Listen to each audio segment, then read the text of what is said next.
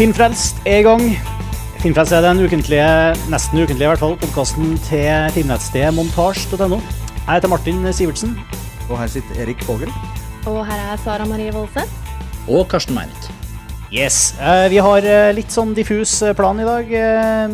Vi skal ta tak i en del Vi har samla opp en del lytterkommentarer fra de siste podkastene våre som vi skal bruke litt tid på. Ellers så har vi jo vært eh, på Cannes. Vi var også vidt innom Cannes i siste podkast òg, men eh, nå er jo eh, det meste over, og Erik er tilbake.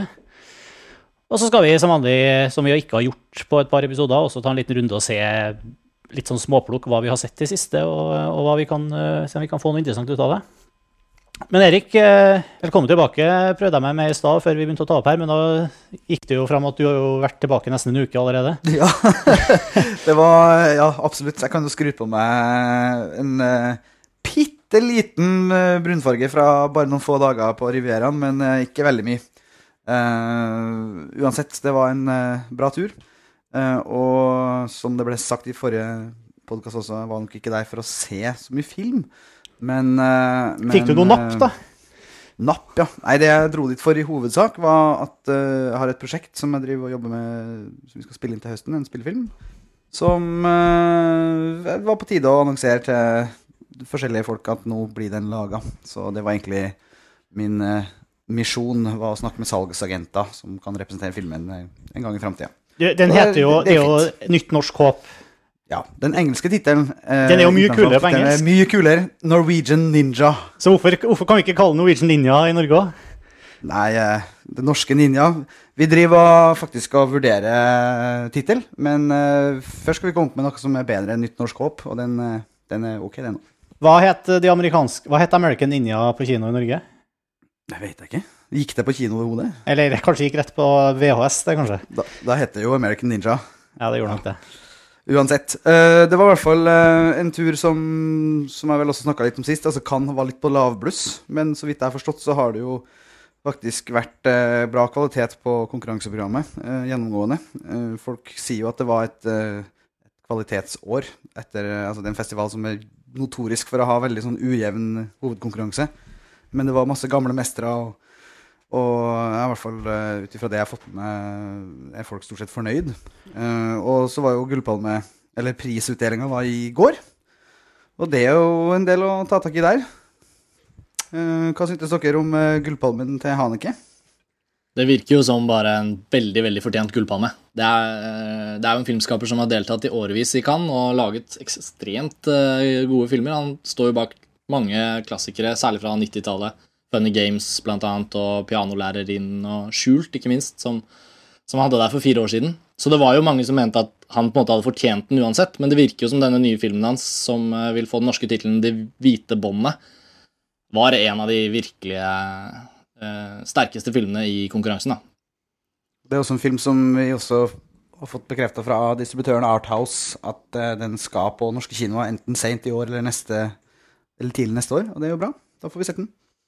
Men jeg må si samtidig at eh, det var jo faktisk mye større buzz rundt eh, den franske filmen A Profit, eh, som vant juryens spesialpris. Den ble det snakka mye om, den imponerte mange, så den håper jeg får norsk distribusjon. Og så vidt jeg har skjønt, så ryktes det, i hvert fall ifølge noen Twitter-meldinger, det ryktes at den vil få norsk distribusjon. Så får vi håpe det skjer, for det er da et fengselsdrama som om en ung, eh, en ung gutt som kommer inn i fengsel og kommer ut den andre enden eh, som kongen. Eh, så det meste foregår i fengselet, har jeg skjønt, så det er visstnok veldig, veldig, veldig bra. Det som hørtes utrolig spennende ut med den filmen også, var jo hvordan en del franske kritikere blant annet, som hadde analysert den til å være et, et mikrokosmos av uh, det franske samfunnet, og hvordan forskjellige etnisiteter strides og, og, og kjemper seg opp, uh, i, i hvert fall i de lavere samfunnslag. Og, og også det at det franske fengselsvesenet er inne i en, inne i en dyp krise, da, og det har vært det i flere år. Så filmen kan ses liksom på veldig mange plan, og det, og det er jo gøy å høre når plottet i utgangspunktet høres ut som en veldig sånn klassisk, typisk krimfilm. The Rise and kanskje Fall, da. eh, ikke sant? Uh, Jacques og Ikke sant? Den har vi jo snakket om tidligere. Men uh, nei, jeg gleder meg veldig til å se den. Den får vel tittelen Profeten på norsk, sannsynligvis.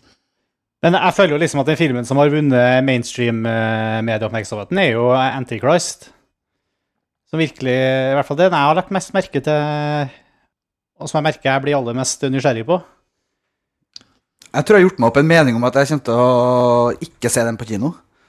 Ja, den, den, den høres jo absolutt ikke Det høres ganske fæl ut, rett og slett.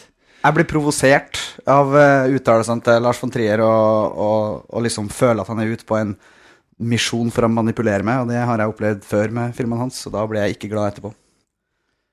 Ja. Du har jo bemerka tidligere at alle filmene hans eh, handler om kvinner som går til grunne. Det kan jo virke som det gjør det igjen. Det virker veldig sånn. Den vant vel for beste kvinnelige skuespiller også, så den fikk jo en hederspris der òg. Eller nei, det var ikke den. Det var Jo, det stemmer. sin, Den, kanskje? nei, det stemmer. Den fikk, den fikk Ja. prisen for beste kvinnelige hovedrolle, men den fikk, den fikk også en annen pris av den um, økumeniske juryen. Det er en sånn parallelljury som jobber med å dele ut en pris for filmen med best sjelelig innhold.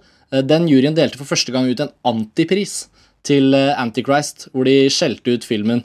eh, og kalte den mest misogynistiske Eller kan jeg oversette det til norsk? The most misogynist movie from the self-proclaimed biggest director in the world, sier juryen. Og da reagerte lederen for Cannes-festivalen med å si at det var en ridiculous decision that borders on a call for censorship. Så liksom ledelsen for festivalen gikk i clinch med en jury som hadde gitt en antipris til Antichrist, og resultatet er at Lars von Trier får enda mer presseomtale. Ikke sant? Så det er jo, han er virkelig PR-vinneren eh, i Cannes. Dagbladet, som eh, ikke alltid fokuserer like mye på film, i hvert fall så mye på film som jeg kunne ønske som leser, har jo hatt en veldig fin dekning fra Cannes, og en av sakene de kjørte for noen dager siden, var jo en dobbel side, hvor en reporter skrev sitt lille dagbokinnlegg om at han hadde besvimt under visningen.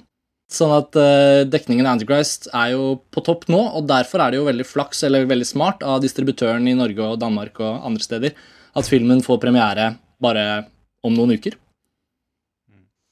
Og det tok jo fullstendig den skandalen og den pressedekningen her tok jo fullstendig luven av eh, Gaspar Noé sin nye film Into the Void, eller Enter the Void. Ikke sant? Som, Han som eh, egentlig er bad boy. Han som er badboyen som kom og sjokkerer med ny film, og så bare må han se seg slått av danskene i det jippo øh, ja, av en annen dimensjon, egentlig. Så jeg er spent, den er jeg spent på å se for øvrig også. Blir det også en kinofilm her? Nei, det vet jeg ikke, faktisk. Um, jeg tror faktisk at Euforia Film, de som distribuerte Død snø, sikler litt på Enter the Void. Jeg leste det et eller annet sted, jeg er ikke 100% sikker. Vi kan jo kanskje få noe tilbakemelding fra, fra folk som vet, i kommentarfeltet. Men jeg tror den også kommer til Norge, og det ville jo vært fantastisk, fordi var det én ting som ble skrevet om Gaspar Noés eh, film, da, så var det at det var en ekstremt uh, visuell uh, filmopplevelse. Veldig inntrykksfull på et stort lerret, men også helt fristilt fra narrative tradisjoner, veldig eksperimentelt, og to timer og 48 minutter. Hva, er det ikke en sånn magisk grense med hvor lang en film kan være, eller er det noe med Før du må ha pause, eller noe sånt? Eller hva, det er en eller annen sånn grense oppi der, heter det? Jeg vet ikke om det er noen grense, egentlig. Altså, eh, har ikke Det- Warhol laget en film som varer i 20 timer, eller noe sånt? Det som det jeg forholder meg til når jeg lager film, er jo at alt over 110 minutter begynner å bli problematisk, fordi da, rent sånn salsettingsmessig, så får eh, Så står man da i fare for å miste en forestilling på den salen om kvelden.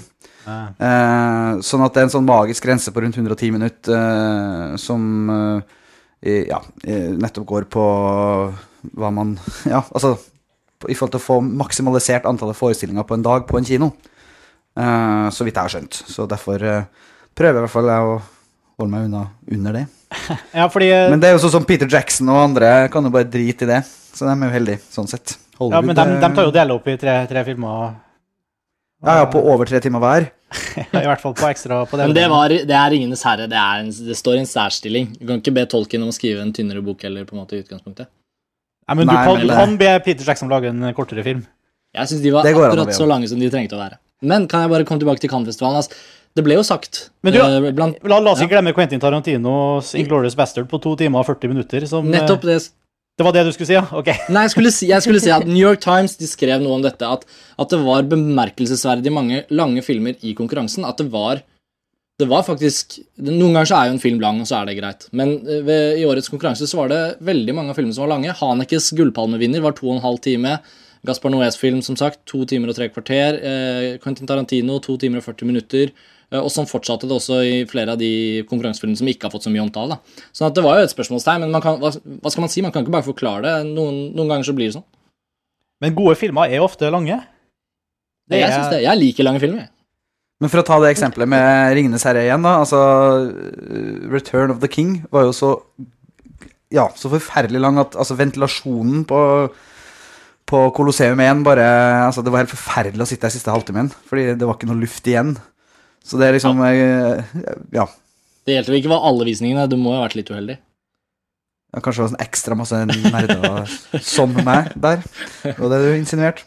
Nei. Nei. Men uh, i hvert fall så er det, det er noe, sånn, det er noe fysisk der òg, tenker jeg. At vi, vi Altså, vi er jo på en måte egentlig tillært 90 minutters spillefilmformatet på et eller annet vis. Uh, men så strekkes det jo, og det er en interessant trend. Jeg så nettopp eh, Shortcuts fra 93, som eh, vi kjøpte på Ja, kjøpte som DVD og så her i forrige dagen. Skulle begynne å se og tenkte at ja, ja, en eh, film med masse historier og egentlig satt sammen fra masse noveller og en masse short stories som er satt fram, sammen som én film. Og den varte i Ja, den varte og den rakk, og jeg hadde den heldigvis på DVD, så jeg kunne tatt sette den på pause. Så så jeg på coveret, og den varte i tre timer. Det hadde ikke jeg tid til akkurat der og da. Da er det veldig greit å ha det som DVD. Men jeg lurer på om jeg da mister noe av feelingen av hele filmen. Fordi man skal jo gjerne se det i tre timer, men da er det greit å være oppmerksom på det før man setter seg ned. Så, men det er da, den eh, ble nominert for Oscar og alt mulig, og vant en del priser og sånt i 93, da, men eh, Men det, er jo en sånn, om det var jo en viktig film. da. Det, var jo en sånn som man snakka mye om, husker jeg. Det, man brukte jo shortcuts i Jeg tok jo sånn scriptwriting-kurs og sånn på skolen, og da trakk de fram shortcuts. og Det var en eh, referansefilm på mange måter. Ja, dessverre også for mange filmskapere. Som, det har jo skapt det vi kaller for multiplott-helvete. Som eh, alle føler at de eh, har en spesiell trang til å skrive i multiplott-form, sånn som shortcuts. Så den har jo vært skoledannende også for mange som lager film. Men, men når vi først snakker om shortcuts, så må jeg bare øh, Fordi nå snakket vi om den i forhold til lengde, men shortcuts er jo en av de aller beste filmene fra 90-tallet. Jeg syns den er helt fantastisk. Jeg vil bare fornevnt det. Jeg er enig, Eh, altså. uavhengig av lengde. Jeg syns den er utrolig bra. Jeg, jeg, jeg, da, den ble sluppet i en sånn der glitrende Criterion-utgave for noen år siden. Med liksom bokutgaven til Raymond um, Hva heter han? Raymond Carver, med de novellehistoriene. Og masse sånn grundig bonusmateriale. Og Robert Altman, regissøren, hadde jo vært veldig involvert, og så gikk han bort noen år etterpå. Og den filmen er jo har jo særlig status av mange årsaker, men nettopp det at den er blitt så imitert, og at den har kanskje selvfølgelig da med, medført at vi har en form for fortellinger som blir overbrukt av filmskapere, så står den jo som en påle, da. Så det ville bare sagt det. Jeg tenkte vi skulle, gå, er vi, eh, skulle vi tilføre noe mer om Cannes, eller før vi beveger oss over på feedback? Jeg hadde en liten eh, anekdote som var noe jeg leste på cnn.com om en eh, britisk filmskaper som laga en zombiefilm som heter Colin, for 70, det som tilsvarer 70 dollar. Eh, og som eh, altså bare med kompisene sine og med noe, med noe Ja, noe og da filma på video. Og det, han har liksom hatt masse suksess med den filmen på markedet i Cannes. Så nå skal den filmen distribueres i Japan og kanskje i USA. Og, og det er liksom eh, Det er jo den derre den sida av Cannes som er liksom motsatsen til, til, til det offisielle konkurranseprogrammet og den røde løperen, som er alle de her desperate filmskaperne som har maksa ut kredittkortene sine og springer rundt med den ene flyeren mer glorete enn den andre for å prøve å selge varen sin, eh, eller filmen sin. Og det er morsomt å se at liksom en, eh, en sånn skikkelig nullbudsjettproduksjon har fått eh, ganske mye oppmerksomhet. Du, du hadde vel shuriken-forma visittkort å dele ut, Erik? Selvsagt. Nei, jeg, jeg var, med i, var med på masse ting, men jeg var jo usynlig som ninja, så det var ingen som så meg. Så, ja. Eh, nei. Men eh, det jeg skulle si om han, den filmen Colin, det som er interessant med den, at det er en zombiefilm sett fra eh, zombieperspektivet. Sånn at liksom hovedpersonen er en zombie. Eh, og det er liksom bare den lille Bare det å snu den lille Altså snu bordet sånn, turn the tables på den måten, så har du en original ny zombiefilm. Den kosta ingenting, men det har gjort at den har fått masse interesse. Men da er, det, da er det kritiske spørsmålet Hva var det som kosta 70 dollar? Det var, Han snakka om det. Det var liksom kaffe og, og kaffe til skuespillerne og og et annet kostyme. Det var ikke så mye mer enn det. Neste gang så skal han lage en film til, ja, med litt høyere budsjett. da 100 pund, sier han at det nesten skal koste. Du, det minner meg det minner meg om en eh, veldig fin eh, Jeg husker ikke om det var en uh, nettwebserie eller en serie med sånne bare noen sånne sketsjer eh, som, eh, som jeg så på nettet, men Det var noen som gjorde en slags sånn dokumentargreie på zombier, da. Som var, en, som var liksom zombienes hverdag. som var sånn samfunns... De var intervjuet forskjellige zombier om hvordan de hadde det, og hvordan de forholdt seg til sin virkelighet, og hvordan de opplevde at det var å leve et liv hvor du ikke kunne bevege deg raskt. og? Det var veldig sånn samfunnskritisk da, til hvordan zombiene ble behandlet. Jeg skal se om jeg kan finne den linken. Det, Det, det høres litt noe som True Blood. Ja, det het, det het American Zombie, tror jeg. Eh, men ja, jeg kan sjekke det opp. Uansett, det var litt i samme leia. da, at Det var liksom fokus på zombiene. Det var veldig, var veldig fint. Og det kom jo en film senere på sommeren som har et lignende perspektiv på aliens, som heter District 9, som jeg for så vidt gleder meg veldig til. eh, hvor, eh, hvor det handler om aliens som har landet i Sør-Afrika og blitt satt i en sånt apartheid-lignende posisjon i samfunnet, da, hvor aliensene ikke blir behandlet bra, og sånn, og romskipet deres er liksom strandet over, over Johannesburg. eh. Nå husker jeg, jeg ikke hva regissøren het, men eh, det var han som egentlig skulle lage Halo-filmen, vet jeg. Ja, ja. Neil Blomkamp heter han. Blomkamp.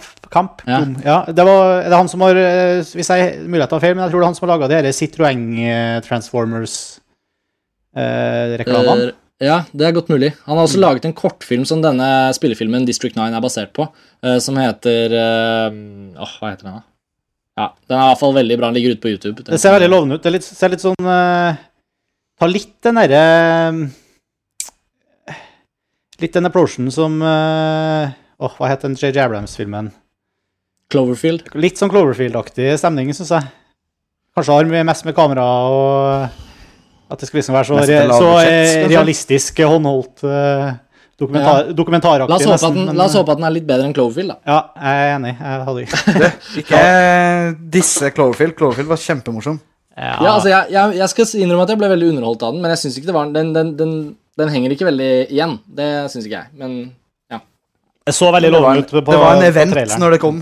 Jeg syns det var gøy å se på stor duk når den kom. Men, men. Men så kanskje det er noe i alt dette her, da. At, øhm, kanskje det er en liten bølge at, man, at det er viktig å snu perspektivet og, og la det handle om de det ofte ikke handler om. Jeg håper jo fortsatt at han ikke har gitt opp eh, Halo-filmen, men det har han kanskje. Det hadde vært artig å se en Halo-film. Ja, jeg tror den, den er vel veldig avhengig av liksom at Microsoft og et eller annet filmstudio blir enige om at eh, filmen skal koste så og så mye, og hvem skal tjene pengene. Jeg tror det var veldig mye av det som gjorde at filmen ble kansellert når det Den var jo nesten klar til å gå i produksjon, Mm.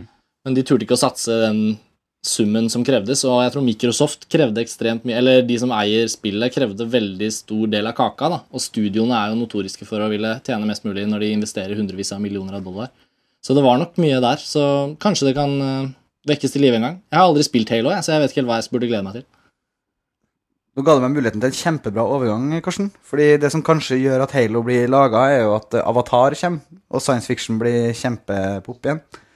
Um, jeg bare fikk med meg at den skal ut på Imax, og, og det diskuteres hvorvidt den skal få tre måneder alene på samtlige Imax-kinoer i USA. Da begynner man å snakke om en film man har troa på.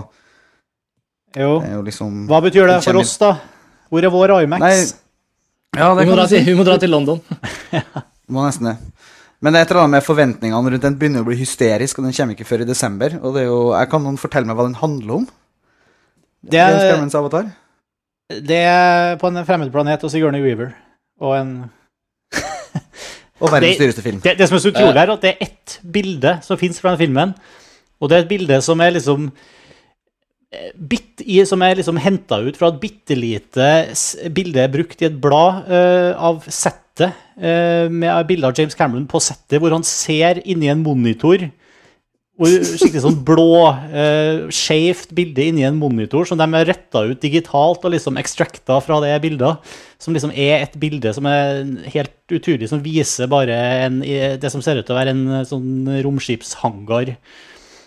Med en, en person som går eh, ved siden av noen romskip inni. Og det er det eneste bildet jeg tror fins fra Avatar. og man, bare, man, man, man regner med at det er fra Avatar, da. Jeg vet ikke om det er helt bekrefta engang. Så Det er bra. Forventningsskaping. godt, godt gjort. Ja. Mm. Den traileren tror jeg kommer til å bli sett mye når den endelig kommer. Å, ja. På filmen, Det- den, skal, den skal ikke komme før i desember, eller Kommer i år, ja, i desember, ja. Mm. Ja. Slutten av desember i USA. 19. desember eller noe sånt, tror jeg. Og vi snakker om den allerede nå. Det er jo Ikke sant? Og har gjort det flere ganger allerede. En annen film vi har snakka mye om og har forventninger til, er Terminator Salvation, som åpner i USA i helga. Og faktisk eh, mislyktes ganske kraftig.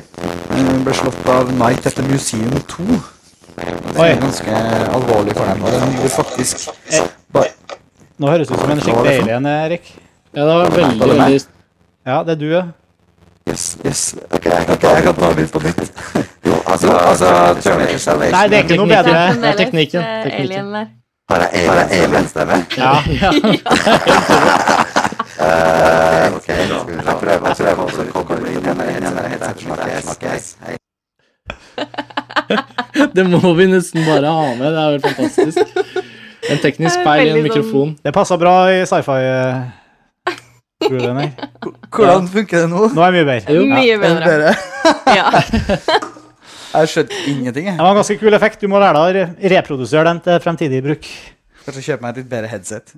Jo, nei, men i hvert fall eh, Terminator Altså Terminator Salvation gjorde faktisk eh, noe sånt som én million Var det én million mindre? Jo, den lå én million mindre eh, på box-officen på første helga si enn Terminator 3.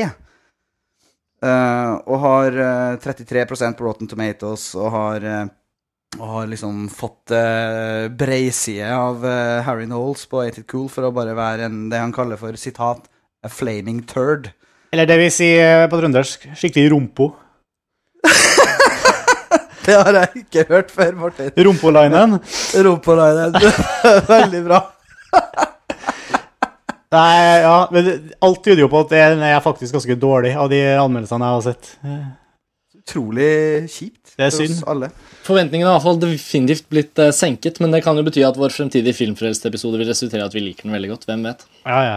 Vi går jo ofte på Vi, vi er jo ikke alltid helt enig i alle andre kommentarer og alle andre filmanmeldelser.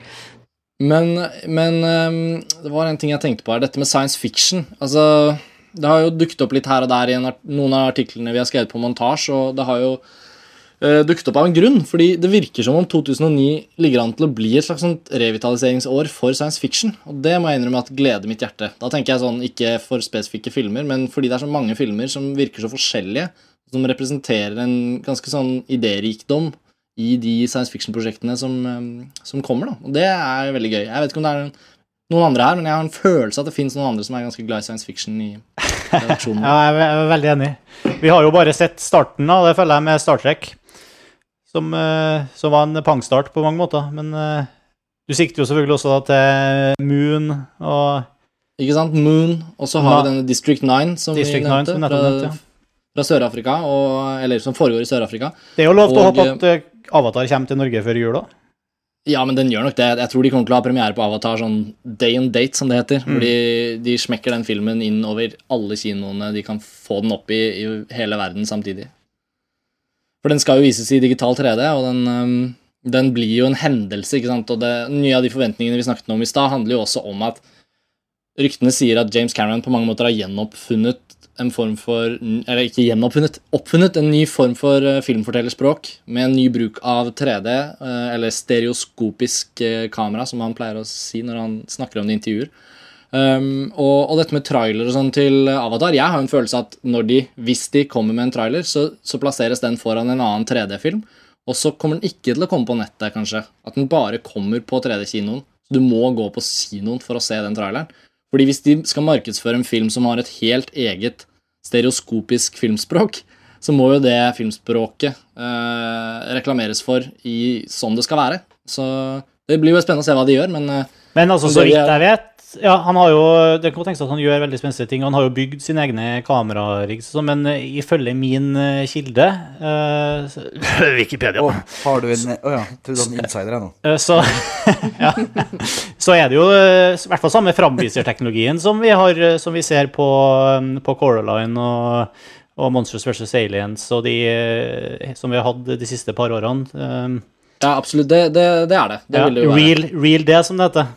Ja. Nei, noe, av- noe av frykten kanskje for la oss si et år eller to år siden, det, jo, det har jo vært snakket om denne filmen i årevis, det var jo det at de hadde forespeilet seg at det kom til å bli bygd så og så mange eh, 3D-kinoer, digital 3D-kinoer rundt omkring i verden. Derfor kunne Avatar bli lansert. Altså Han kunne jo ikke lage filmen før teknologien var klar.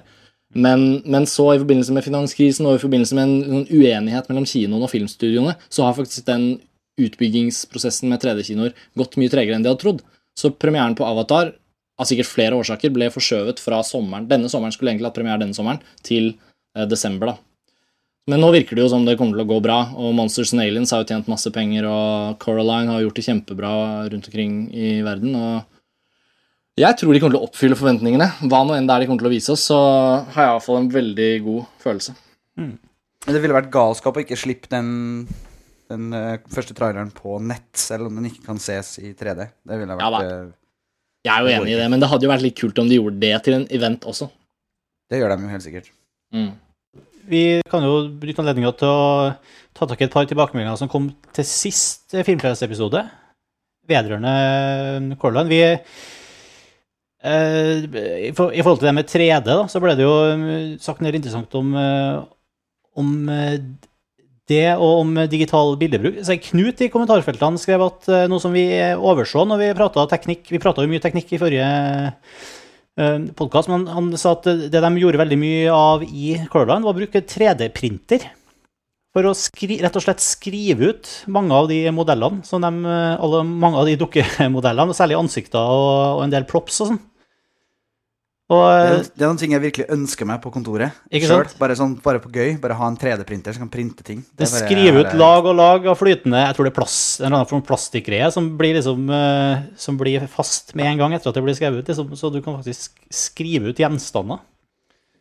Og det, var jo, det er jo noe sykt mange det, altså Som Sed Cordan sier at det er jo sinnssykt mye ansiktsanimasjoner her. eh, Ansiktsuttrykk. Og eh, en av grunnene til at de fikk til det, var at de kunne drive og masseprodusere modeller, rett og slett. Med å ha, jeg tror de har kjøpt inn tre sånne 3D-printere. de produksjonsselskapet. Men i hvert fall det er bra, bra tips, Knut. Eh, Han skriver også at det ble brukt eh, eh, Houdini til å legge på en del sånne digitale partikkeleffekter oppå dukkeanimasjonene. Og at det ble brukt ja, Ikke at det er så mye med 3D å gjøre, selvfølgelig, men at det ble brukt eh, det, det vi sa var, var digitalt arbeid i forhold til animasjoner, og gikk først og fremst på det å viske ut den sømmen som oppstår. For at mange av de ansiktene på dukkene i Coraline er, dukker, er, er todelt. da. Du har liksom en topp og en bunn, ja, og og rett og slett på å viske ut den sømmen som går mellom, eh, mellom toppen og bunnen. Så det. Eh, ellers så kom det jo ganske mye Det var veldig mange som var uenig i en del av de tingene som Vi, altså vi prata jo eh, mye om, om Coraline. og vi trenger ikke å gå inn på den diskusjonen nå, men vi kan jo sånn generelt si at eh, altså, Vi driver jo strengt tatt ikke å anmelde film på Filmfrelst. Vi kaster ikke terning og sånn, men det vi gjør, er at vi, vi prater personlig og, og subjektivt om de opplevelsene vi har, og de tankene vi har etter at vi har sett film, da, eller om film generelt. Da, da kan det jo ofte hende at eh, de meningene og tankene vi har, går litt på tvers av eh, Divergerer fra det andre medier skriver, kanskje, og går på tvers av det du som lytter sitter og har òg. Og det er jo bare kjempebra. Det er kjempebra, og vi vil veldig gjerne høre om alt på kommentarfeltet. Så må vi bare ha det litt i bakhuet at uh, vi er At uh, vi må prøve å holde en, eh, holde en god tone òg. Liksom. Vi, vi er alle med på det her, for vi syns det er gøy, og vi er glad i film. Så eh, Men, men Ja. bare én ting i forhold til de tilbakemeldingene som vi har fått. Det er jo i forhold til den podkasten vi hadde for eh, noen uker siden, hvor vi snakka om høyt og lavt og alt mulig, og spesielt mye sånne journalistfilmer osv. Da fikk vi utrolig mange bra tilbakemeldinger om eh, tips om andre filmer som vi kunne ha sett og tatt diskusjonen videre, og det er utrolig bra. Det er å takke, takke alle lytterne jeg skal faktisk ta det et skritt videre Jeg og faktisk syns Ja. vi skal lese, ramse opp noen av dem òg, for det var veldig mye bra der. Jeg har jo notert Ja. meg en del av det òg. Ja, jeg fikk tips om en eh, dokumentarfilm eh, som vel het Dare, Dare Zachary. det var, som jeg aldri hadde hørt om, med mindre noen av lytterne hadde kommet med, med tipset. Det var en dokumentarfilm som var veldig, veldig sterk. Eh, veldig bra historie. Teknisk sett så var det ting som jeg ville ha kunne ha kritisert. Men eh, om det ikke hadde vært noen lyttere som hadde tipsa om den, så hadde jeg ikke fått sett den. Så jeg vil bare takke for det. Det er en film jeg også virkelig noterte meg på lista mi. Eh, Jeg sjekket også opp den og, og har ikke fått sett den ennå. Eh, Det første stedet jeg fant noe informasjon, så sto det bare sånn Hvis ikke du vet noe om denne filmen, så må du ikke lese videre. Fordi den er veldig fin å se uten å vite noe om den. Så jeg vet fremdeles Ja, nesten ikke noe om den. Men, men er jeg- men jeg, liksom, jeg har ikke noe lyst til å si så mye. Jeg har ikke noe lyst til å si så mye om den, fordi det er best Nei. å ikke vite noe om den. Men den er en, det er en veldig sterk historie i seg selv. Om en, eh, jeg skal ikke si så mye, jeg skal ikke komme med spoilere, men det er om en filmskaper som er eh, Det oppdager mange ting underveis. En utrolig sterk historie. Og ut, skjebnesvangert i forhold til eh, hovedkarakterene i filmen, og en eh, bra måte å legge fram historien sin på. Dessverre så er det veldig mye digitale effekter og musikk og lydbruk som er veldig overforklarende på eh, visse punkt, som er litt Jeg syns personlig er litt synd, fordi det er en som sagt, en sterk historie, og den, den kunne stått på egne bein. Men eh, det var en veldig Jeg satt med tårer i øya, og veldig, veldig film, bra film som er å anbefale videre. Så takk for tipset. Og jeg tør ikke å si noe mer om den, for jeg har ikke lyst til å gi noen spoilere. Men det, med, det, det du sier der, er jo noe som mange dokumentarer Jeg syns det er litt for mange dokumentarer som kjører på med litt for mye musikk og sånne fancy grafiske effekter og liksom prøver å ligne Ja. på noe de kanskje ikke ofte er, da. Uh, Ja, så, og- så det er en sånn trend jeg ikke er så innmari fan av, jeg heller. Nei, det her er en veldig amerikansk produsert dokumentarfilm. Eh, det føler jeg, da. Eh, fordi den legger på den, den stoler ikke nok på historien den forteller, så den legger liksom på sånne ekstra ting og skal liksom få alt så utrolig ekstra engasjerende og pumpe på med både lyd og, og, og også ekstra informasjon som på en måte ligger i historien allerede. Som er litt synd at det, det ødelegger litt av hele filmopplevelsen for min del, for jeg syns at jeg liker veldig godt den å la at en dokumentarfilmskaper spesielt lar historien fortelle seg selv når den er såpass sterk. Men uh, ja, nei, det jeg, ja, ja, som sagt, jeg tør ikke å si noe mer om den, men jeg anbefaler den som en god uh, dokumentarfilm. Uh, ja, anbefales videre. Og takk for tipset. Det var Bjørnar som hadde kommet med det tipset i kommentarfeltet, så jeg. Så tusen takk til Bjørnar.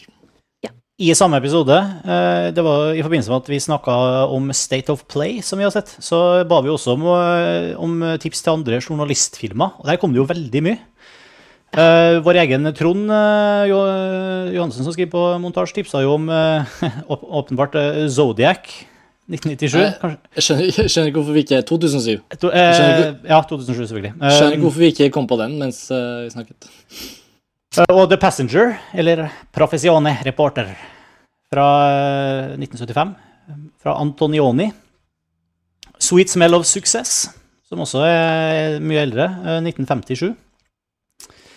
Og Sara, du var faktisk inne og tipsa. Fair and Loading i Las Vegas. Det går ikke an å glemme den. Ja, kan vi glemme eh, Terry Gilliams' uh, uforglemmelige film.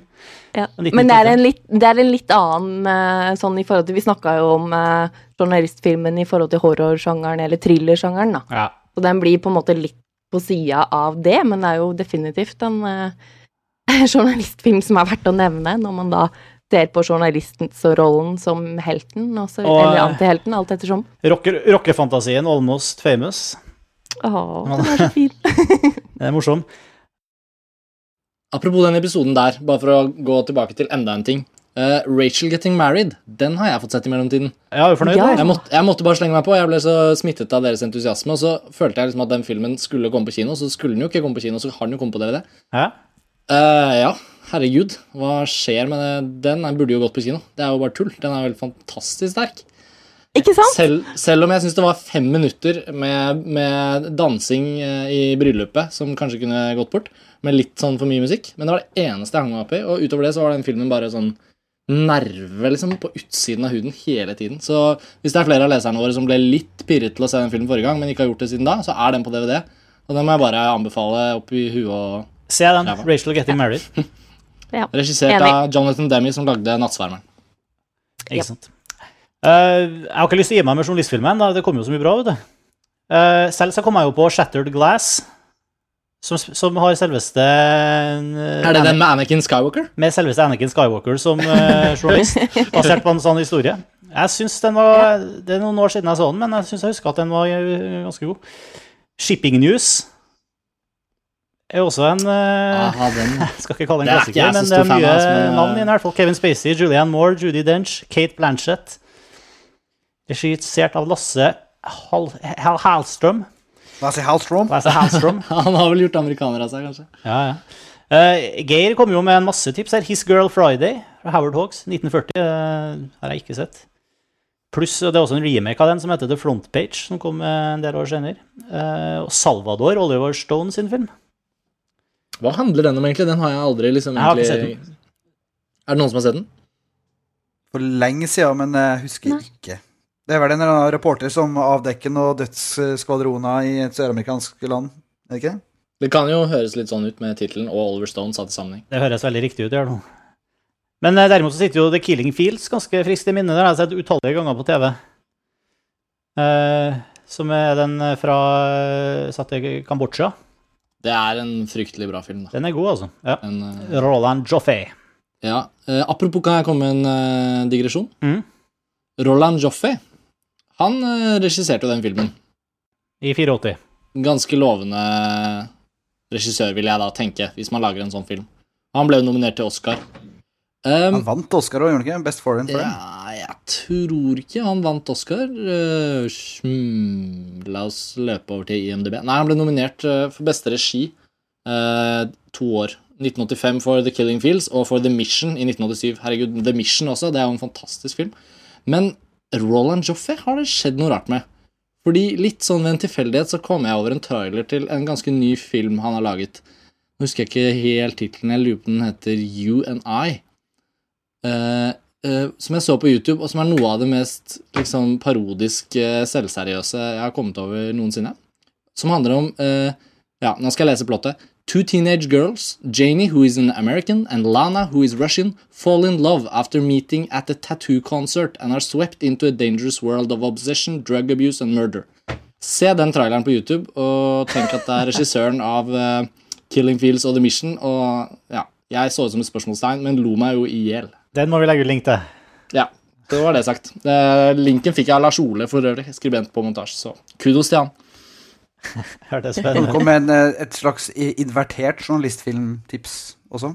Ja. Som er en britisk serie som jeg har hatt et gledelig gjensyn med, som heter The Thick of It. Som er laga av en BBC-serie, laga av en kar som heter Armando Iannucci. Ikke så veldig britisk navn. Det er en politisk satire som bare tar helt av. Det er sånn Yes Minister på crack. Men det det har med presse å gjøre, at det handler jo annet om de folkene som er PR-rådgivere til en uh, litt sånn ubetydelig inkompetent minister, og, og liksom vaktbikkja til den pressemessige, liksom, eller pressesjefen til den regjeringa, som eh, en karakter som heter Malcolm Tucker, som er bare en skotte fra helvete. Utrolig morsom og bitende serie med sånn maskingeværdialog. Anbefales The Thick of It. Og det blir også en spillefilm nå basert på de her karakterene som heter In the Loop, som har kommet på kino i England, som jeg ikke vet om skal hit. Som jeg bare håper kommer på kino her. Uh, blant annet med, med en del amerikanske skuespillere og sånne ting. Uh, de har utvida til litt Hollywood, men uh, i hvert fall The Thick of It. Fantastisk. Fire pund på play.com. En hel miniserie. Røverkjøp. Du, jeg skal bare skyte inn her, apropos Shattered Glass og Hayden Christensen og sånn. Han som har skrevet screenplayet, han, han som har regissert Shattered Glass, det er Billy Ray. Han har også skrevet screenplayet til State of Play. Det er en fin tie-in til filmen vi prata om eh, i den podkasten. En journalistfilmkobling. En journalistfilmkobling. en journalistkonkurranse. Network sier Kjetil at vi bør ha sett. Ja, ja, ja. Kjempebra. Kjetil likte ikke Rachel Getty Married, da, så går det fram i kommentarfeltet. Så jeg vet ikke. Jeg har ikke sett Network, men jeg har så jeg bestilte den på Jeg bestilte den nettopp. Jeg så til slutt at det var en film jeg måtte ha sett. Eh, Network har ikke jeg heller sett, men jeg har vært veldig bevisst på at det er en glimrende film i årevis, og den står liksom på lista mi. Jeg har en sånn liste over filmer jeg ikke skammer meg over ikke har sett, for man kan ikke rekke overalt, men filmer som er liksom betydelige, da, og som jeg ikke har sett. Og jeg fikk endelig hull på en av de verste bildene jeg har hatt på lenge her om dagen. Kan jeg fortelle litt om det? Ja. Jeg fikk sett Tatt av vinden. Ah, Jeg har alle sett Tatt av vinden. ja. Nei, jeg har ikke fått sett den. Ah, Jeg har ikke takk, noe lyst til å se den. har du ikke lyst til å se Tata av? Hvorfor ikke? Nei, fordi det er en kjærlighetshistorie. Hæ? Fysj! Kjær kjærlighet. Æsj. Æsj, klining! Guttelus og jentelus om hverandre. Jeg kan fortelle deg en ting om, om tata, Kan jeg få lov å fortelle deg en ting om Tatavinen som jeg akkurat har lært? Overtal meg gjerne. Ja. Jeg vil veldig gjerne like å se den, men jeg, åh, jeg har ikke noe lyst til å se den. Jeg føler at den er fylt med klisjé. Den er fylt med ja, Nei, jeg, jeg er veldig skeptisk til den, så overtal meg gjerne, vær så god. Ja, altså Jeg er ikke noen ekspert på Tatavinen, nettopp av den grunn at jeg har visst at Tatavinen er en klassiker som jeg bør og sikkert vil se. Men uansett, Tatavinen Jeg liker best filmer når jeg vet minst mulig om hvordan handlingen går. Jeg kan godt vite en god del om filmen og hva som er liksom, historisk i forhold til produksjon, og hvem som har laget den, bla, bla, bla. Men jeg visste faktisk ikke helt hva Tatt av vinden handlet om. Jeg har vært ganske flink til å ikke vite det. Uh, og så har vi uh, fått en ny skribent på montasje som ønsket å skrive en uh, artikkel om Tatt av vinden, en kodekør, som vi kaller det da, en sånn kjærlighetserklæring. Så jeg kunne ikke lese gjennom den artikkelen hvis ikke jeg hadde sett filmen, og da tenkte jeg nå er det bare på tide. Så jeg eh, tok kinoen på skolen min og tok eh, den restaurerte utgaven av Tatavinen og så hele filmen i ett glupsk gjennomsyn, fire timer. Og jeg ble faktisk ekstremt positivt overrasket. Og, og jeg prøver ikke å, Dette er blitt sagt tusen ganger før, så jeg skal ikke snakke altfor lenge, men, men det er en grunn til at det er en klassiker. Det er en grunn til at den filmen har en eksepsjonell status, og øh, den viktigste grunnen vil jeg si at den må jo da ha en av de aller beste kvinneroller noensinne. Eller, eller roller uavhengig av kjønn. Altså, hun hovedpersonen, Scarlett O'Hara, er bare noe av det mest engasjerende. og liksom, Du hater henne, du misliker henne, du liker henne. Du, du er liksom innom så mange følelser i løpet av den episke filmen. Relatert til bare hennes karakter, hovedsakelig. Så er det én grunn til å anbefale den filmen, så er det én at den er mye mer enn du tror den er, Sara. Altså, Den er ikke bare en klisjéfull kjærlighetshistorie, bla, bla, bla. Den har utrolig mye fint å si. Og så er den selvfølgelig ekstremt gammeldags, og den har et litt sånn lemfeldig forhold til eh, det vi i dag ville regnet som ganske rasistisk, men som den gang kanskje var lettere å skildre. Litt sånn glade slaver som ikke har det så ille og sånn. Man kan absolutt kritisere den for en del ting, men det er litt pga. tiden også. Men Tatavinen holder seg kjempegodt, og jeg, jeg, fikk, jeg har til og med lyst til å se den igjen. og Det bare noen uker siden jeg så den, så ja, det var det jeg ville fortelle om den. Men, men det er ikke noe sånn melodrama-type film med kos kostymedrama? Kjærlighets, romantisk film som er kostymedrama. Det er liksom Det sånne er ting som jeg da liksom Jeg får litt sånn øh, kostymedrama. Det er filmer som jeg veldig sjelden blir revet med av. Det Jeg vil også si at det er en film om en veldig bra karakter, hvor det Ja. er periodekostymer, og hvor det er et melodrama, og hvor det er svulstig musikk, men det viker aldri vekk fra den sentrale hovedpersonen som man hele tiden bryr seg om hvordan det skal gå med, da, hvis man kan si det på den måten. Spennende. Jeg må, jeg må legge mine fordommer til side. Ja, det er jo den store utfordringen i forhold til de fleste av filmene man ser, da, for man har jo alltid med seg litt fordommer. Ja. Ja. Jeg har heller ikke sett uh, Tatavinen. Må jeg bare skyte inn. Fikk du lyst til å se den? Kanskje det er hjemmelekse til en eh, Det syns jeg. Det, det er en klassiker. Helt klart. Hva, hva syns du, Erik? Sammen med Hvor, hvordan var det du så den? Nei, jeg husker Den har jeg sett kanskje to eller tre ganger på, på sånn NRK søndagsmatiné, så jeg har liksom ikke hatt gleden av å se den på det store lerretet. Men uh, det er jo eh, Du snakker om melodrama, det er klart det det, men det er jo, det er jo liksom det her store et Amerika i borgerkrig. Eh, liksom, du har den enorme historiske suset, og så har du de her karakterene som lever i sin, eh, i sin uh, lille boble av en verden. Og, nei, det er bare alt. Det er store svingninger, og det er mye, fe mye fiolin. Det er det. Men det er også veldig flott å se på. Det er veldig utrolig bra uh, scenografi, mye, og selvfølgelig kostymer. jeg anbefaler den uh, varmt sjøl. Jeg kunne tenke meg å sette den på nytt. Det er lenge siden sist. Høres ut som montasje bør, bør arrangere en visning. Det blir visning uh, snart, altså. I samarbeid med Cinemateket. Tata, Tatavinden. Um, ja, men Jeg kan også Erik, jeg kan har du legge til bare i, forhold til sånn eh, lytterfeedback og sånn. Jeg bare må si takk til alle som har eh, liksom, Jeg har møtt forskjellige folk, i blant annet i Cannes og andre steder, altså nordmenn, da, som har hørt på Filmfrelst. Tusen takk. Dere vet hvem dere er. Det er veldig hyggelig å høre at vi blir hørt på. Hvis ikke så hadde det ikke vært noe moro. Eller det hadde fortsatt vært litt moro faktisk, om ingen hadde hørt på. Men en ekstra moro når noen hører på. Ja, vi bryr oss om dere i hvert fall, kjære lyttere. Tusen takk. Eh, Jeg har sett eh, to filmer som jeg kanskje er verdt å prate litt eh, mer om. Den ene som jeg ble veldig glad i, egentlig, og den andre som jeg ble litt skuffa av. Ta, altså den, den som jeg ble litt skuffa av først, da, det var rett og slett Oscar-vinneren Doubt. Den ble vel sluppet på DVD denne uka her, ble den ikke det? Den ble der, så. mm -hmm. så, så den, den fikk jeg sett med bl.a. Meryl Streep og Philip Seymour Hoffman i hovedrollene. Hva vant den Oscar for? Den var nominert, men jeg Ja, nominert, tror mulig han ikke den- vant, da. Nei, jeg tror ikke den vant noe. Nå husker jeg faktisk ikke helt, men jeg tror ikke det. Nei, jeg har jo sett den filmen bli omtalt som sånn Oscar-bait også. Og, og det, er jo, det er jo veldig den følelsen jeg satt igjen med etter å ha sett den. i At eh, her har du liksom skikkelig top notch skuespillere, egentlig. Men, eh, og, og egentlig ganske fin eh, cinematografi òg. Er det flere som har sett den med, eller? Jeg så også den forrige uke. Du gjorde, Eller, Den ja. sitter frist i minnet hos deg òg. Jeg, jeg, jeg Ja. rett og slett den var kjedelig, altså, og egentlig litt sånn Litt lite troverdig òg, egentlig. Ja, jeg, jeg eh, tenkte kanskje at det var på grunn av eh, mitt synspunkt og mitt standpunkt i forhold til de, de, de eh, religiøse si- eh, ja, de religiøse sidene av eh, karakterene sine meninger som gjorde at jeg ikke likte filmen, men i, hvis man ser bort ifra det, så var det også en film som Rent dramatisk også, eh, så følte jeg ikke at den leverte helt, altså.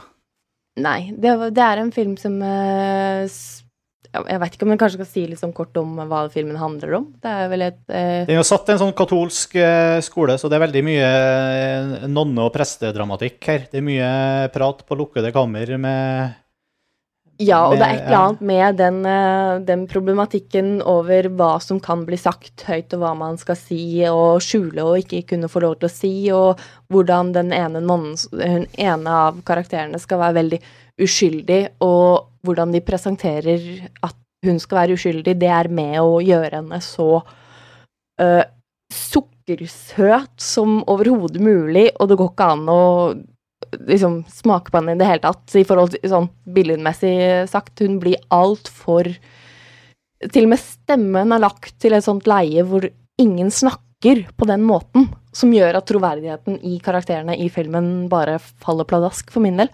Uh, selv om Meryl er Hun tar seg opp i løpet av filmen, og hun er en av de nonnene på skolen som er den store, skumle eh, sjefen og lærerinna som alle har respekt for. Jeg får følelsen at filmen kom litt sånn i kjølvannet av det her opprullinga av alle de, altså, alle de her eh, pedofilirettssakene og erstatningssakene som, eh, som gikk i USA for eh, det begynner å bli to-tre år siden nå, tror jeg. Ja, for det ligger jo veldig i kortene at det kan være et eller annet her. Og man Mm. må, kun, man må tolke de signalene i den verst mulig tenkelige måten. Men, Men, eh, de, de la veldig lite i at det skulle, liksom, man skulle bry seg om samspillet mellom Meryl Streep og Philip Seymour Hoffman her, og, og de gikk liksom ikke veldig dypt inn i noe av tematikken, føler jeg. Litt, litt overfladisk, rett og slett. Ja, og så er det sånne ting i forhold til en film du tenker når, man, når jeg ser på en film, hvis jeg ikke relaterer til hva som skjer og blir veldig grepet av filmen, så ser jeg på teknikken, hvordan den er laga, billedutsnitt osv. tenkte jeg I løpet av den filmen her så var det plutselig billedutsnitt som var liksom på skrå bak en person eller foran en person, var, som var ganske umotivert. Plutselig så var det sånn Nå skal vi ha et kult bildeutsnitt. Det var litt sånn eh, horror... Vi eh, det Litt sånn horrorfilmer, egentlig. Det kan godt være at det var et eller annet i den filmen som jeg bare ikke fikk med meg i det hele tatt. For den gikk rett forbi for min del, og den var rett og slett kjedelig å se på. Men eh, så, så det var en liten skuffelse. Så ble jeg veldig mm. fornøyd da jeg fikk komme meg på kino og sett Klassen. Entre les murs, som den heter på fransk. Ja! den er så fin. Den har du også sett, Sara. Er det noen som har sett den? Karsten? Ja, veldig bra film. Veldig bra film. Jeg har også sett den. Den skal jeg se. Det må skynde deg. Den har gått på kino Du kjempe, kjempelenge, tror jeg. Det har, Ja. Jeg så den i januar, tror jeg. ja, halvår på, på kino. kino. Uh, og det var faktisk stappa fullt. Det var en liten sal, riktignok, men det var tydeligvis godt besøkt fortsatt. Altså. Det er veldig bra, for det var en kjempegod eh, film, syns jeg. Det er jo en film satt til skolebenken. Da. Det som er så fint med den, er at du får, i tillegg til at det er stort sett veldig bra skuespill, og, men du får liksom mer enn man har fått til i mange andre filmer. Du kommer liksom ikke bare inn på hvilke problemer elevene, hvilke situasjoner elevene kommer opp i, hva slags problemstillinger det er, men også, du kommer også litt under huden på, på lærerne, og hvilke eh, problemstillinger som, som, eh, som rett og slett lærerne står overfor. Og det, det høres kanskje tørt og kjedelig ut, men eh, det, det er jo noe som på en måte alle har forutsetninger for å ha tanker og meninger om, for alle som har gått på skole, og det, det gjør at, eh, at eh, det, det virka som en veldig virk, viktig og sterk film. Fjorårets gullpanne vinner. Nå må du gjøre trikset med headsetet ditt igjen, Erik. Jeg Nå gjør jeg det ikke. igjen. Det Ja, blir nå, er du alien igjen. Oi, shit, Oi, shit. Da må jeg plugge den her ut og inn igjen. Hang on, hang on. Altså, det ekkoet der er jo bare fantastisk. Hvor kom det fra? Nå lå Eirik på, men eh, Hallo, hallo, hallo. Hallo, ja. Det er, hallo, you're back. Der er vi tilbake. Jeg skjønner ja. ingenting, jeg. Det er jo helt rumpolainet, det er som vi sier i Trøndelag. Det er Rumpolinen. Ja, det var litt eh, Ja. Men ja, apropos klassen, hva skulle du si? Jeg skulle si at det var fjorårets gullpalmevinner i Cannes. Ja, Så det er jo en kvalitetsfilm. Absolutt.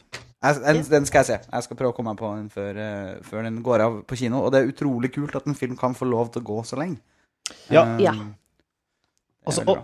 Og så er den så er smart, liksom, og så på, samtidig så hverdagslig, og så på en måte ned på jorda, og samtidig så bra. Ja, det, jeg, jeg kan ikke få sagt nok positivt om den filmen, men det er jo fordi jeg er veldig frankofil av meg og synes det er veldig artig i forhold til de, de små språklige tingene som ligger i filmen, i forhold til hvem du sier du og hvem du sier de til. Men det er kanskje sånn subtilt i tillegg sånn ekstra pluss for de som kan, kjenner til det franske skolesystemet. Som, eh, altså, det, det ligger jo mer forankra i, i Frankrike enn det gjør her. Den, eh, den, på en måte den harde muren, ikke bare som omfavner skolegården, men også den, det, det skillet som, som skal være Altså den derre sterke skillet mellom elev og lærer. da. Ja, men, men, men til tross for det, så er det veldig mye i den filmen som også relaterer til alle som egentlig har gått på en, eh, en skole. Jeg vet ikke, jeg, jeg klarte ikke å unngå å tenke på en annen film som, jeg, som ikke sitter like friskt i minnet, men det, det, det var jo en norsk film som het uh, 'Ungdommens råskap'. Ja, det var jo en dokumentar. Ja, til Margit og Linn. som i, i motsetning til i klassen da, ikke brukte skuespillere, men uh, tok med kamera inn i, inn i klasserommet. Ja. Ja, tematisk så er det jo veldig mye det samme, og det er satt i veldig mye av den samme. Det, jeg vil anbefale begge filmene veldig sterkt, for jeg syns begge to er veldig gode. Og selv om da man har de, som sagt, de forskjellige grunnlagene, at man baserer det på øh, virkelige livet, man baserer det på den virkeligheten som utfolder seg rett foran kamera, sånn som Margit Linn gjorde, og i forhold til da at øh, den klassen tar bas baserer seg i et, en øh, en bok som er skrevet av denne læreren som spiller seg selv. Men han har også basert sin bok på hans opplevelser i klasserommet. Men det som er så bra, at det trenger ikke altså Selv om den ene er dokumentar og den andre er drama, så føles dramaet like virkelig og reelt og, og, og viktig, på en måte. Ja.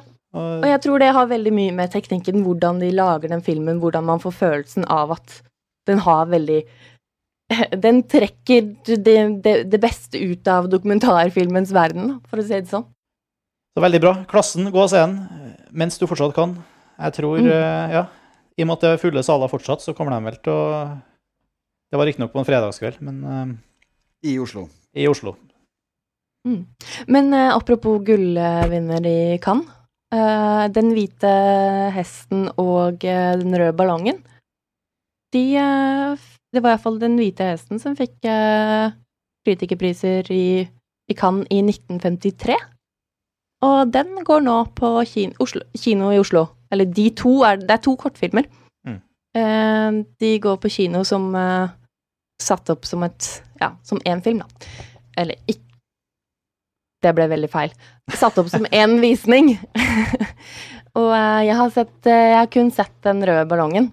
Eh, men det er en film fra 1953 som kan gi veldig mye den dag i dag om et vennskap mellom en liten gutt og en magisk rød ballong. Det er liksom ikke så mye mer å si om filmen. Den er veldig, veldig skjønn. Det er et lite klipp på YouTube i forhold til den hvor han lille gutten kommer gående med sin røde ballong og møter en jente på gata og møter ei jente som går med en blå ballong. Hvordan de to ballongene har lyst til å håper jeg, henge med hverandre. Som vi også må linke til eh, i denne podkasten her, for det er en utrolig skjønt eh, lite klipp, og det er en veldig, veldig skjønn eh, film på 40 minutter. Så hvis noen altså Jeg tror ikke den går andre steder enn i Oslo, men Den går på eh, Lillehammer. i Lillehammer òg, ja. Det er bra. Veldig morsomt at de får satt opp sånne Ja. filmer. For det er med at det er Ja. filmer som også er tilgjengelige på, på DVD, f.eks. Ja, de Ja, er restaurert. eh, Blant annet så er det gitt ut på Criterion Collection i USA. Så de, eh, jeg kjøpte Den hvite hesten um, i gave til en person som er veldig glad i hester, og så den sammen med henne. Og den var jo også helt nydelig. Bra. Ja, jeg føler vi har snakket om utrolig mye nå, Ja. Forskjellig. Vi har Det må være nesten den episoden vi har hatt med flest eh, mulige forskjellige retninger. Vi har virkelig tatt samtalen i alle retninger. her. Eh, Men vi har fikk inn et par kinoanbefalinger på slutten her, i hvert fall. Og i neste Eller da, nå kommer det jo noen eh, episoder i fremtiden med ganske kinoaktuelle ting. Da. Jeg tenker litt på Eller jeg håper jo vi får til å ta en skikkelig diskusjon om Antichrist, som vi har snakket tidligere om i episoden. Og jeg gleder meg jo også fremdeles veldig til Terminator Salvation, uavhengig av den litt eh, labre mottakelsen i USA. Forresten, skal vi gjøre alvor av Alien-episoden vår, eller? Ja, selvfølgelig. Det skal Ja, Da blir det kanskje Ja, ja. Neste, episode? vi. Det kommer selvfølgelig Det er mulig. Fordi at eh, de episodene, påløpende episodene blir jo, som vi sa, opptatt av eh, Terminator og Antichrist. Mm. Jeg har sett alle alienene nå, Ikke så sant? Da må, da må vi prøve å få til Alien om ca. en uke. Jeg tror dere har veldig mye å si om Alien i forhold til meg som nettopp har sett dem. For første gang. For dere Ja, for første Oi, gang. oi, da blir det sånn, sånn som er med Terminator. Dritbra. Dette må vi spare. Nå må vi ikke svi kruttet.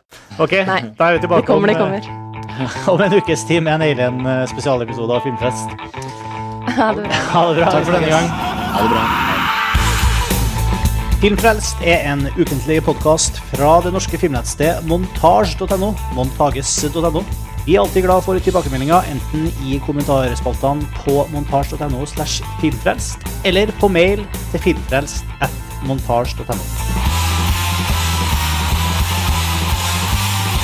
Og musikken du hører nå, er fra Ping. Hør mer på thepingpage.com.